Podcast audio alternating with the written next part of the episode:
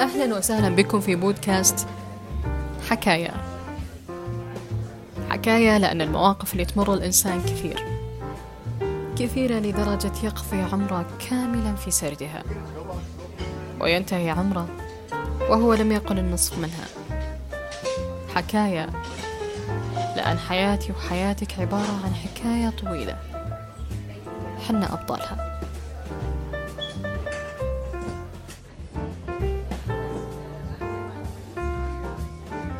موضوع الحلقة.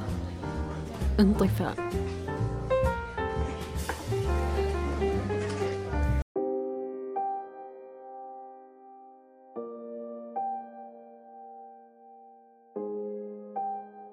أتساءل في ماذا لو كان محتما على الإنسان أن يعيش ليجرب كل هذه المشاعر التي يسمع عنها والتي لا يعلم أنها في طريقها إليه. كل المشاعر بلا استثناء واحدا تلو الآخر دون توقف دون حتى أدنى تخمين في الشعور القادم الذي ينتظر دوره ليستحل كل ما فيك وإما أن يجعلك ترى الطريق معتما أو يوصلك للنور الذي في نهايته. لا أعرف العدد النهائي من المشاعر التي يشعر بها الإنسان ولا أدري لو كان هناك أضعاف منها لم يخلق فينا بعد أو لم نشعر به حتى. ولكن شعور واحد فقط. أجزم بأن لم يمر فرد على هذه البسيطة دون أن يجربه. الانطفاء. هذا الزهد الذي يأتي فجأة ودون سبب. النظر لكل شيء وكأنه بلا معنى. وما جدواه؟ الجلوس صامتا دون قول كلمة واحدة.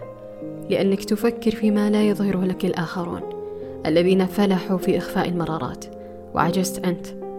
هذا الشعور الرفيق. والاستثنائي لن يذهب منك هكذا دون أن يترك فيك أثرا واحدا. لو فكرت في الضوء الذي قضى عمره في الاشتعال لم ينطفئ لمرة واحدة ولم يزل ينير هذا البيت أو هذا الشارع حتى ماذا تتوقع أن يحصل له في نهاية المطاف؟ سينفجر. حتى هذه الصناعات البشرية لها حد في العطاء وفي التوهج. فما بالك في تكوين إلهي يشعر بكل شيء ويعطي دون حد ويستنزف نفسه ويستهلكها في عدة أمور؟ أترجي منه الدوام على هذا الحال عمره كاملا. الانطفاء رغم نظرته السوداوية إلا أنه يشعر الإنسان بشيء من الراحة بشيء من الخمود وكأن استراحة محارب فعلا. العدد المرات التي انطفأت فيها حاولت أن أتوهج مرغما نفسي. أن أرى الدنيا بعين المنتهي الذي ينتظر أجله ليتخلص من كل هذه المهازل التي تحدث ولا يرى منها أي فائدة تذكر. مع العلم أن قد تكون كل هذه المهازل التي أرى أنها كذلك هي بالأصل أشياء مفيدة ولها مكانتها التي لا يستهان بها. ولكن هذا الشعور الذي لو حاولت تعديله دون أن يسمح منك سيزيد. لنفترض أنك في مضمار ركض وركضت إلى أن تعبت وتوقفت. هذا التوقف هو الانطفاء الذي أتحدث عنه. والركض بحال أفضل من بعد التوقف هو التوهج الذي أقصده. مضت أعمارنا نسمع كل شر في طيات الخير. هذا الشر الذي نعتقده فيه من الخير ما لا نعلم.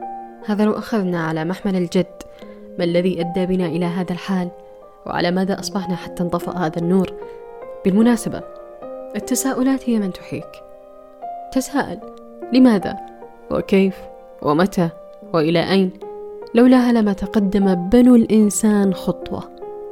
هذه الدعايات للتوهج. التي تملأ مواقع التواصل الاجتماعي تحملك مسؤولية أكبر وكأنك مجبر على تحمل ما لا يطاق فقط ليروك الأقوى والأفضل والأكثر إيجابية. هذا الحق في الانهيار لما لا تأخذه؟ والعزاء في هذه الفكرة أنها لن تدوم وأن كل شيء ستختلف نظرتك له بمجرد انتهاؤها. أظن أن كل ما تكلمت به إلى الآن هو من واقع تجربة.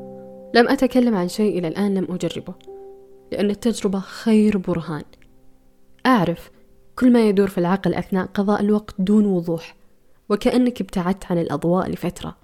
وعلى الرغم من تجربتي وعلى الرغم من أني لا أخفيك شعرت ببعض المعاناة أثناء ذلك إلا أنني ممتنة لمثل هذه الأوقات. أعدتني إنسان غير الذي أنا عليه كأنها أعطت لكل شيء في حياتي أهمية وأدت بي إلى المكان الذي أرى فيه بوضوح. أماكن الأشخاص والأشياء حتى المواضيع التي قد أخوض بها مع من لا يفقه في الأمر شيئا. لذا أنا ممتنة لحالة الزهد هذا التي يكفيني فيها أنها كانت مؤقتة صحيح ولكن جعلت مني شخص آخر في هذه المدة الوجيزة. فلا تحكم على كل شعور بالسوء من أول لحظة.